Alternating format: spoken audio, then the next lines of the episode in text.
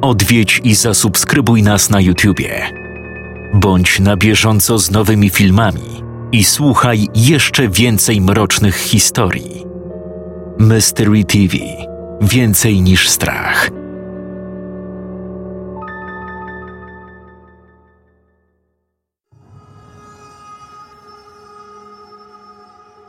Krzysztof Zalewski uśmiechał się tak jeszcze przez kilka sekund, po czym uśmiech mu zrzedł i spuścił wzrok, wpatrując się w zwiniętą na końcu łóżka pościel.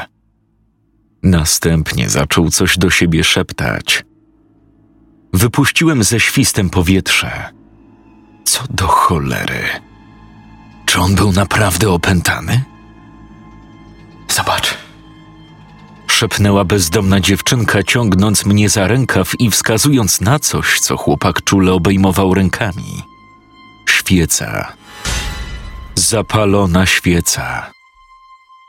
Wcześniej jej nie zauważyłem, bo całkowicie ją zasłaniał dłońmi. Hej, po co ci to? Na to pytanie wzdrygnął się jakby wyrwany z transu, po czym spojrzał na dziewczynkę błędnym wzrokiem. Po co ci ta świeca? Świe... świeca. Potrzebna. Do czego? Naraz wytrzeszczył oczy, jakby przypomniał sobie coś strasznego. W tym momencie świeca zgasła, jakby ktoś niewidzialny ją zdmuchnął.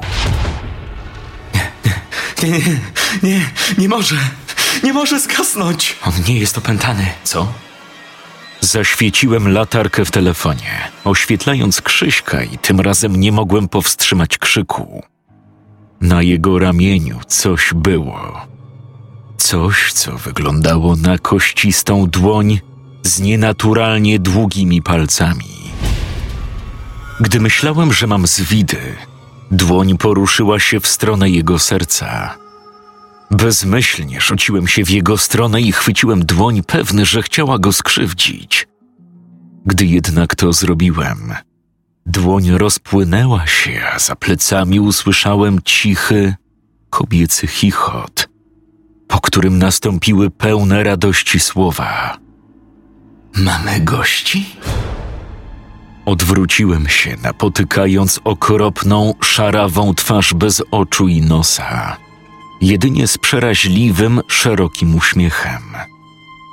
Cofnąłem się gwałtownie, upadając na łóżko. Następnie istota bez oczu zachichotała i wyparowała, a na szyi poczułem morderczy uścisk. Syknąłem i spojrzałem wyżej. Krzysiek znowu był w jakimś transie i wpatrywał się przed siebie nieobecnym wzrokiem, próbując mnie udusić. Szarpnąłem się, ale nie mogłem się uwolnić. Skąd taka siła w takim słabym ciele? Hej! Usłyszałem i kątem oka spostrzegłem jakieś światło. Po chwili Krzysiek rozluźnił chwyt i w końcu mnie puścił. Zakaszlałem i sturlałem się z łóżka po czym zerwałem się na równe nogi i zobaczyłem bezdomną dziewczynkę, która podała Krzyśkowi zapaloną świecę. Sam rozluźniłem się dopiero wtedy, kiedy i Krzysiek wydawał się uspokoić. Ty, co to było? On nie jest opętany. Jest nawiedzony. Nie o tym mówię. Jesteś zbyt spokojna jak na pierwszy raz. Kim jesteś? To, że nie wiem za dużo o szeptuchach, nie znaczy, że nie byłam świadkiem ich działania. Mówiłam, że zabiłem jej rodziców. Pamiętam dokładnie, co się stało tamtej nocy. Widziałam je bardzo wyraźnie. Szeptuchy? Czyli to, co zobaczyłem? Tak. To była szeptucha. Jej prawdziwa, demoniczna postać. Coś jednak jest nie tak nie wydawała się być w pełni sił. Ten tutaj musiał coś zobaczyć. Szeptucha musiała go jakoś przekląć, a zapalona świeca jest pewnego rodzaju barierą, chroniącą go przed bezpośrednim kontaktem z tą wiedźmą. Dopóki szeptuchy żyły, świece były dla nich ochroną przed złem. Jednak po ich śmierci jakby wszystko się odwróciło. Przypomniałem sobie słowa Michała. Czy to miało podwójne znaczenie? Zapalona świeca była zarówno ochroną przed złem, ale i je przyciągała? Czy jeśli świeca się wypali, to ten dzieciak zginie? Nawiązujesz do opowiadania Michała? Nie wiem. On sam nawiązywał do plotek. Ale nie zdziwię się, jeśli jego życie faktycznie zależy od żywotności tej świecy. On teraz nie ma normalnego życia, pomyślałem. Zapalona świeca chroni go przed bezpośrednim kontaktem z szeptuchą, ale jednocześnie trzyma go w jakimś transie, podczas którego nie może normalnie funkcjonować. Koniec końców spotkanie z szeptuchą oznaczało śmierć szybszą albo dłuższą. Może o to chodziło Michałowi, ale nie potrafił ubrać tego w słowa. Mówiłaś, że nie jest opętany, tylko nawiedzony. Czym to się różni? Opętany to wiadomo. Duch siedzi w nim. Nawiedzony, czyli tak jak nawiedzony dom. Duch działa poza ciałem ofiary. W tym przypadku nawiedzony może być jakiś przedmiot, ale nie jesteśmy w stanie stwierdzić, co to jest. Świeca? Zbyt oczywista. Poza tym słyszałam, że szeptuchy właśnie boją się świec. Dlatego mogą one służyć jako tymczasowe tarcze. Świece za ich życia chroniły je przed złem, ale po ich śmierci je odstraszały. To miałoby sens. Resztki świec przy ofiarach szeptuch mogły po prostu oznaczać, że ich tarcze się wypaliły. Tylko czy na pewno świeca była wystarczającą ochroną, skoro samo jej zdmuchnięcie było zagrożeniem? Ma najwyżej pół dnia, stwierdziłem w myślach, oceniając po ilości wosku. Nie wiedziałem, co się stanie po całkowitym wypaleniu. Dlatego trzeba znaleźć ten nawiedzony przedmiot jak najszybciej. Niestety, jak było do przewidzenia, okazało się to trudniejsze niż myślałem. Nie mogliśmy stwierdzić, po czym poznać nawiedzony obiekt, a uzyskanie tej informacji od Krzysztofa było niemożliwe. Mateusz, przypomniałem sobie. Nie tylko Krzysiek. Mateusz też nie mógł się skontaktować z Michałem. Możliwe, że wiedział o jaki przedmiot chodzi. Wypadłem z pokoju, prawie przewracając się na schodach. Minąłem zdezorientowaną panią Zalewską i ruszyłem do samochodu. Gdy przekręciłem kluczyk, drzwi pasażera się otworzyły i wsiadła bezdomna dziewczynka. Miałem cichą nadzieję, że uda mi się ją zostawić w tyle. Co robisz? Ruszaj, powiedziała niemal zdumiona moją reakcją. W rękach miała drożdżówkę, którą najpewniej ukradła z domu Zalewskich. Odłożyłem kluczyki. Okej. Okay. Czego tak naprawdę chcesz? To znaczy? Nie wierzę, że takie dziecko jak ty szuka na własną rękę mordercy. Masz rodzinę? No, mam. Dwoje rodziców? Rodzeństwo? O żonę nie pytam, bo wiem, że nie masz. Z ostatnią dziewczyną zerwałeś po studiach. Rodziców. Kochają cię? Tak myślę. A ty ich kochasz? Tak. Do czego zmierzasz? No właśnie. Nigdy nie byłeś w takiej sytuacji jak ja. Od zawsze miałeś kochających rodziców. Nigdy nie musiałeś walczyć o kromkę chleba czy łyk wody. Szukanie mordercy to nic w porównaniu z tym, przez co muszę przechodzić dzień w dzień. Nawet czuję pewnego rodzaju ulgę, że mogę zająć myśli czymś innym niż zastanawianie się, czy przeżyję najbliższą noc. Przypomniałem sobie jej pokryte krwią dłonie. Możliwe, że się z kimś biła, a może nawet samo okaleczała, zanim mnie spotkała. Wyjąłem ze schowka chusteczki nawilżane i kazałem jej się trochę przemyć, po czym ruszyliśmy do domu Mateusza Urbańczyka. Tym razem jechaliśmy na Krowodrzą Górkę, czyli prawie na drugi koniec Krakowa. Gdy zatrzymaliśmy się koło celu, trzy razy musiałem sprawdzić, czy trafiliśmy pod dobry adres. Może znudziła mu się szkoła i przerzucił się na domowe nauczanie – stwierdziła dziewczynka, myśląc to samo co ja. Rodzina Urbańczyków wydawała się być najbogatszą w dzielnicy, o ile nie w całym Krakowie. Ich posiadłość była z dziesięć razy większa od mojego skromnego mieszkania i nie zdziwiłbym się, gdyby za ciężką bramą powitali nas prywatni ochroniarze rodziny. Dzwoniłem domofonem przez kilka minut, podobnie jak w przypadku Zalewskich, ale zanim znowu się włamaliśmy na czyjąś posiadłość, usłyszałem rozeźlony głos w głośniku. Słucham. Dzień dobry. Jestem znajomym pani syna, Mateusza. Zastanawiałem się, czy mógłbym. Gdzie on się znowu wpakował? Co znowu zrobił? Ostatnie rozbicie szyby wyjaśniłam już z dyrektorem. Nie, nie, nie, nie, nic nie zrobił. Chciałem tylko Kim zapytać. dokładnie jesteś? Nie wyglądasz na rówieśnika Mateusza. Kto tam z tobą jest? Zdumiałem się, po czym spojrzałem na bezdomną dziewczynkę, wpatrującą się w domofon z ponurym wyrazem twarzy. A następnie na drzewie, nad nami, zobaczyłem zamontowaną kamerę. Pani Urbańczyk musiała widzieć nas na ekranie monitoringu.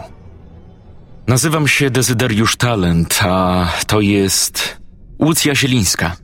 Gram często z Mateuszem w piłkę.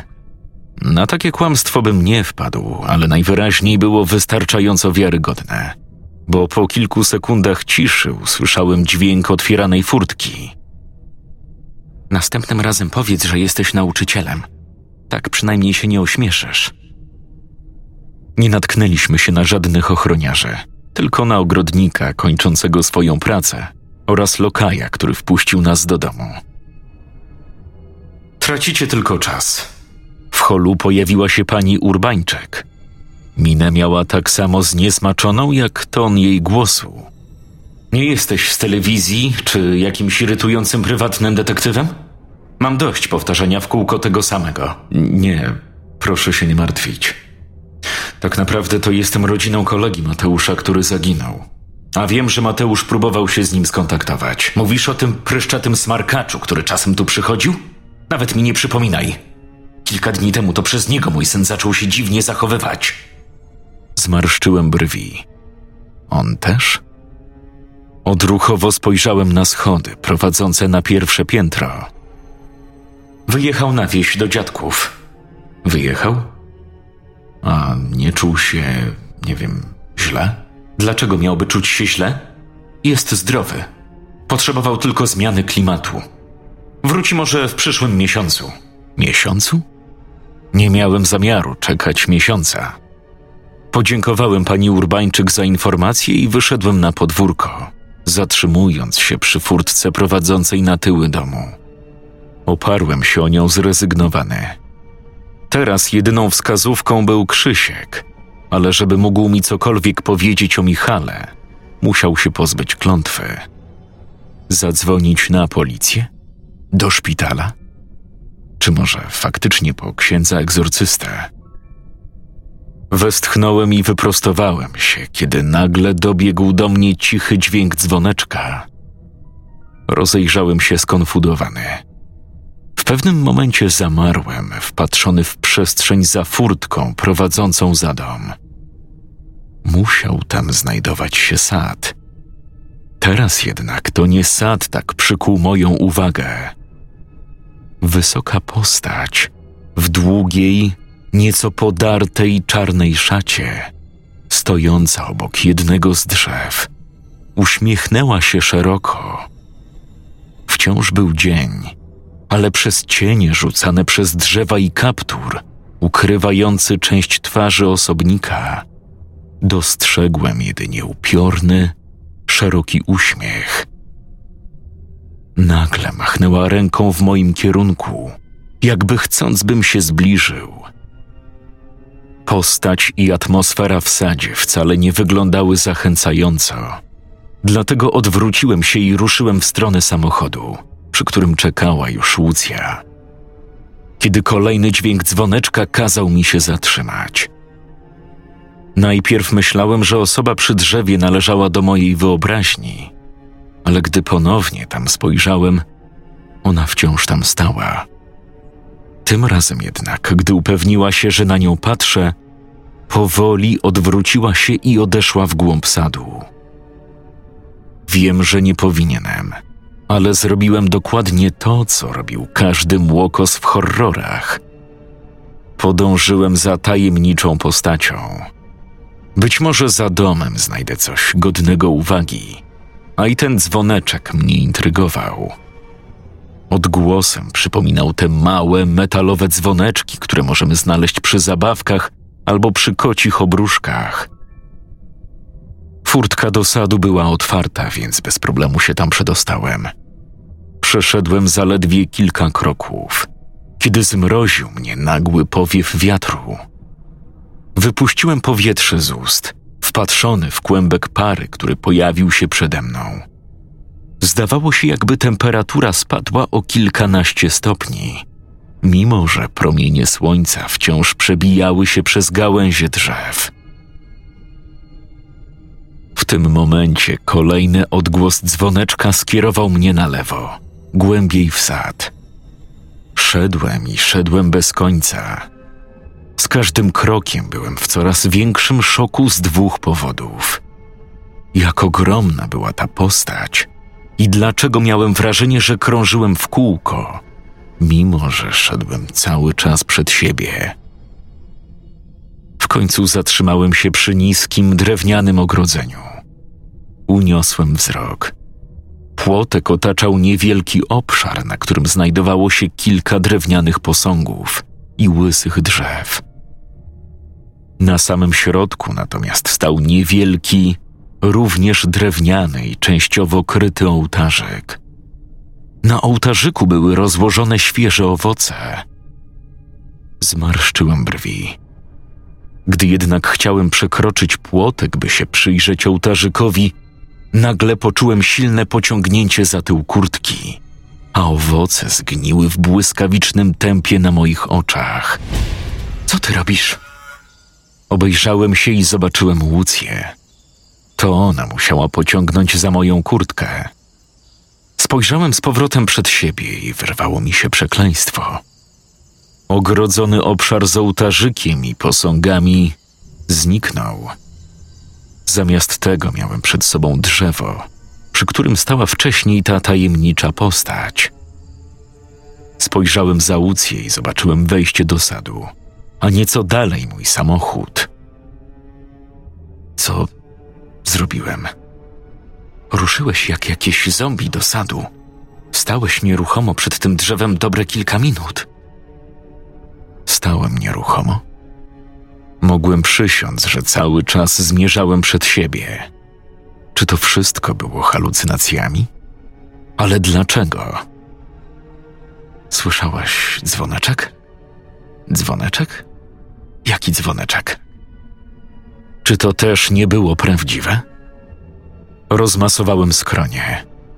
Niewyraźne echo dźwięku dzwoneczka pozostało. Potrząsnąłem głową, po czym już naprawdę chciałem stąd odjechać, ale kolejna rzecz przykuła moją uwagę. Jak mogłem to przegapić? Za drzewem ziemia miała dziwny kształt, jakby coś się pod nią znajdowało. Z jakiegoś powodu poczułem silny niepokój, padłem na kolana, rozkopując wybrzuszenie. Łucja musiała zobaczyć to, co ja i rzuciła się do pomocy. Boże, sapnęła dziewczynka, kiedy odkryliśmy sekret wybrzuszenia. W sekundzie przed oczami przeleciały mi fragmenty postu Michała, gdy zobaczyłem przed sobą ciało młodego chłopaka, któremu z pustych oczodołów wypływało coś, co przypominało zaschnięty cement. Dopiero po chwili zrozumiałem, że to nie był cement. To był wosk. Kurwa mać! Kilka faktów nagle mnie uderzyło. Jednak nie wytrzymałem i zwymiotowałem obok prymitywnego grobu. Nie wiedziałem, co było bardziej przerażające. To, że miałem przed oczami ciało nastolatka, które wyglądało dokładnie jak trupy z legendy o szeptuchach, czy to, że ta z pozoru normalna rodzina miała zakopane w ogródku ciało własnego syna. Zobacz. Podniosłem wzrok na Łucję, która była również blada, ale trzymała się lepiej ode mnie. Niechętnie przeniosłem wzrok na ciało Mateusza. Pomimo jego zdeformowanej twarzy, reszta ciała była w dość dobrym stanie, co oznaczało, że musiał umrzeć niedawno, może nawet wczoraj. W obu dłoniach coś zaciskał. Wziąłem głęboki wdech i zacząłem rozwierać jego zimne i sztywne palce, co ostatecznie nie obyło się bez połamania ich. Próbując powstrzymać kolejny bunt żołądka, odsunąłem się nieco. Usiadłem i wpatrzyłem w znaleziska. Była to brudna kartka oraz pojemniczek po wypalonej świecy. Jeśli by wierzyć legendzie, Mateusz miał na tyle dużego pecha, że podczas nawiedzenia szeptuchy świeca mu się wypaliła, zanim zniszczył nawiedzony przedmiot, i tym samym jego żywot dobiegł końca.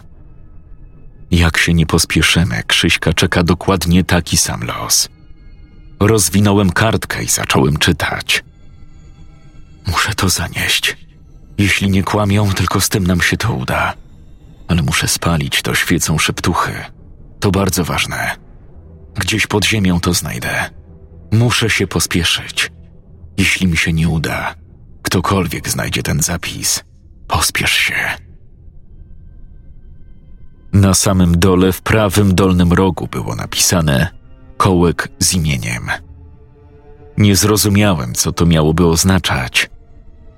Jeszcze raz przyjrzałem się ciału Mateusza i zauważyłem, że pomimo dobrego stanu, miało jednak jakieś ubytki.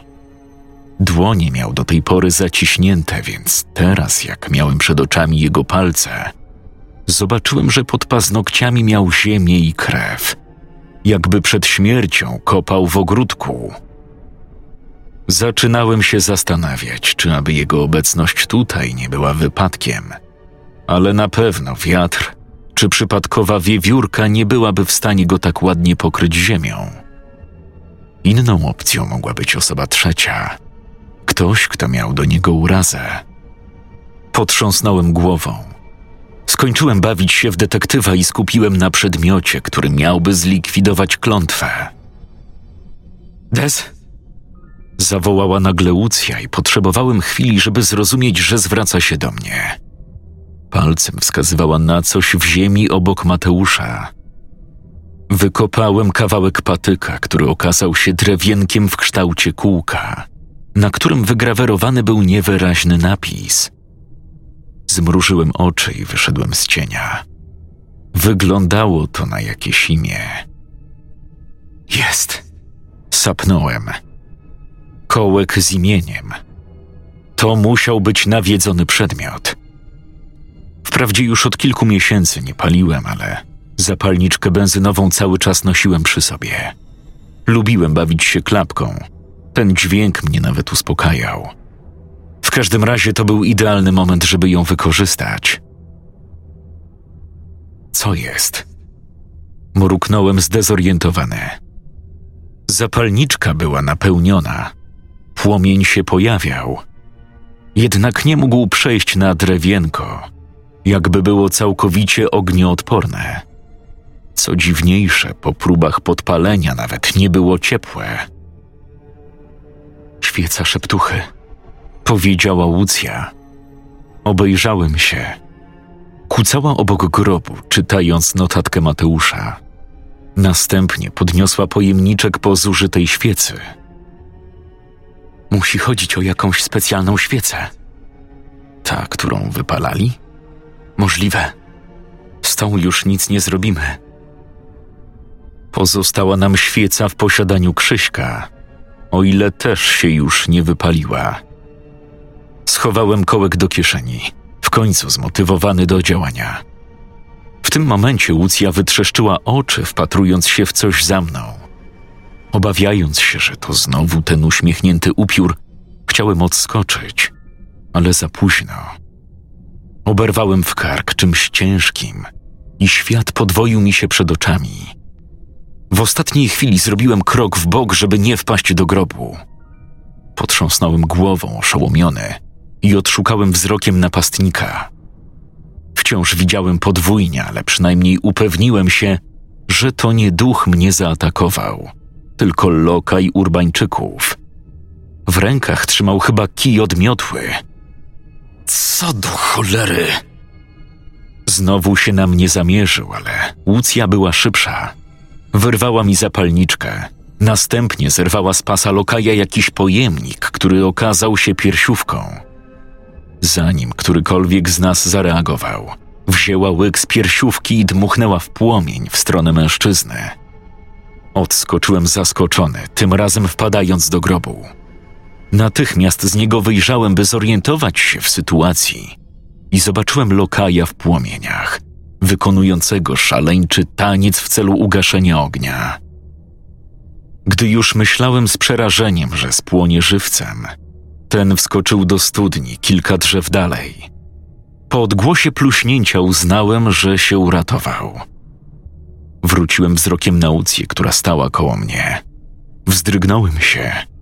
Twarz miała tak skrzywioną, że pomyślałem, że zrobiła sobie krzywdę. Fuj, wódka. Skąd wiedziałeś, że ma przy sobie alkohol? Nie byłam pewna, czy to akurat alkohol, ale miałam taką nadzieję. Widziałam piersiówkę, jak nas wpuścił do domu. Była bardzo spostrzegawcza. W sumie, gdyby nie ona, nie znalazłbym też tego kołka. A co mówić o uratowaniu mi życia? Ocalony przez dziecko.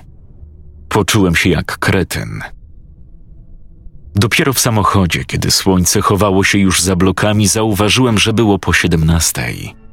Docisnąłem gaz i pół godziny później byliśmy pod domem Zalewskich. Tym razem pani Zalewska zdawała się nas oczekiwać, choć po chwili domyśliłem się, że musiała wezwać karetkę i to na nią czekała. Z jej synem było coraz gorzej. Bez słowa wbiegłem na pierwsze piętro, po czym wpadłem do pokoju Krzyśka, gdzie od razu musiałem się uchylić przed lecącymi ku mnie długopisami. Odwróciłem się. Długopisy zostały rzucone z taką siłą, że wbiły się w ścianę jak noże. W momencie, jak Łucja wbiegła do pokoju, musiała odskoczyć, kiedy ku niej posunęło krzesło. Wyprostowałem się wpatrzony w chłopaka przede mną. Nie byłem pewien, czy to był wciąż Krzysiek, czy coś innego. Czy tak wyglądał ostatni etap nawiedzenia przez szeptuchę? Odszukałem wzrokiem świecę, której został zaledwie centymetr. Wyjąłem z kieszeni kołek i pokazałem go Krzyśkowi. Poznajesz to? Powiesz mi, co to jest? Krzysiek początkowo nie mógł skupić wzroku, ale gdy w końcu mu się udało, pobladł jeszcze bardziej i opadł na kolana. Do, dostałem to. Od kogo? Od gło. gło. Od Michała Głowackiego? Nie dał rady sformułować kolejnych słów, więc kiwnął tylko głową. Gdzie to znalazł? Wioska. Spojrzałem na niego zdezorientowany. Gapił się na mnie ze łzami w oczach, i w tym momencie również coś czarnego pojawiło się w kącikach jego oczu. Jakby smoła. Wioska. Niedaleko jego domu. Wioska z postu. Wioska, którą widział tylko Michał. Czy jeśli faktycznie była tylko wymysłem jego wyobraźni, to gdzie znalazłby tak dziwny przedmiot jak ten niezniszczalny kołek z imieniem, który nie wiadomo do czego służył? Gdzie jest Michał? W tym momencie dobiegł do mnie syk, który oznaczał, że knot się dopala. Rzuciłem się w stronę biurka w akompaniamencie wrzasku nastolatka, jak gdyby go zaczęto obdzierać ze skóry. Przyłożyłem kołek do ognia i doznałem kolejnego rozczarowania. Ten płomień również nie czynił mu żadnej szkody. Nagle Krzysiek wyrwał mi kołek i wyprostował dłonie, zaciskając je na kołku, którego ostrze zwrócił ku sobie. Spanikowany doskoczyłem do niego i w ostatniej chwili chwyciłem jego dłonie, zanim przebił sobie serce. Co ty robisz? Zwariowałeś? Zaparłem się stopami o nogi łóżka. Był cholernie silny, jak na takiego drobnego sukinsyna. Wytrzeszczyłem oczy, kiedy zdałem sobie sprawę, dlaczego mógł być tak silny. Jakby wywołane moimi myślami, na ramionach chłopaka pojawiły się kościste dłonie o nienaturalnie długich palcach. To, co wcześniej uznałem za smołę, zmieniło kolor na żółtawy i zgęstniało. Serce na moment stanęło mi ze strachu. Czy to był naprawdę wosk? Naszła mnie głupia myśl, że spalanie się świecy oznaczało, że stopiony wosk zaczął się gromadzić w ciele ofiary, aż do momentu przelania, który następował po całkowitym wypaleniu się świecy. Po chwili jednak pomyślałem, jak bardzo od prawdy odbiegałaby ta teoria i zrobiło mi się słabo z nerwów. Odsuń się od niej! Krzyknęła niespodziewanie Łucja. Zerknąłem na nią. Wciąż stała w drzwiach. Od niej? Mruknąłem zdezorientowany i kiedy wróciłem wzrokiem na Krzyśka, sam krzyknąłem, tyle że ze strachu. Kościste ręce miały właścicielkę. Teraz widziałem ją wyraźnie, może nawet zbyt wyraźnie. Wychynęła z za pleców chłopaka, zupełnie jak jego cień. Odziana w czarną szmatę z szerokim kapturem narzuconym na szarawą twarz. Szeptucha. Widziałem ją po raz trzeci. Tak. Teraz zrozumiałem, że ta postać w sadzie to była ona, a przynajmniej jej cień. W tym momencie rozbrzmiał dźwięk dzwoneczka. Skrzywiłem się i potrząsnąłem głową, pewien, że miałem go tuż obok ucha. Szeptucha nagle przestała się uśmiechać, co tylko bardziej zdeformowało jej twarz. Uniosła kościstą dłoń ku mojej twarzy. Zesztywniałem, nie wiedząc, co robić. Gin! Wrzasnął nagle Krzysiek, przezwyciężając opór i zbliżając ostry koniec kołka do serca. Ale szeptucha była szybsza. Chwyciła dłońmi jego szyję i wykręciła ją o 360 stopni. Dźwięk łamanego karku sprawił, że sam jęknąłem i odczołgałem się do tyłu. Gdy Krzysiek opadł bezwładnie na podłogę, szeptucha wyprostowała się, ukazując się w swojej pełnej postaci, mającej niemal dwa metry wysokości. Byłem pewien, że teraz nas zaatakuje, ale ona tylko się uśmiechnęła, zachichotała i zniknęła wraz z płomieniem świecy. Nie miałem nawet czasu na przeżywanie tego, czego właśnie byłem świadkiem, ponieważ w tym momencie pani Zalewska weszła i zaczęła przeraźliwie płakać. Musiałem się stąd wynieść. Sięgnąłem po kołek, ale zamarłem zdumiony, widząc, że ten zażarzył się, po czym zamienił w proch. Z niewiadomego powodu uspokoiło mnie to.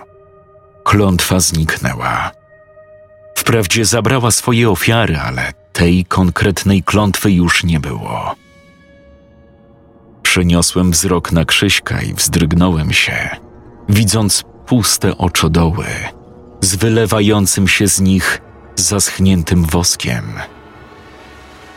Nagle moich uszu dotarł dźwięk różnych syren. Zakląłem i pobiegliśmy do samochodu, zanim spotkaliśmy się z policją. Co teraz zrobimy? Straciliśmy jedyną poszlakę. Nie. Wiem, gdzie powinniśmy teraz jechać. Po tych słowach ruszyłem w kierunku Nicowa, rodzinnej miejscowości Michała.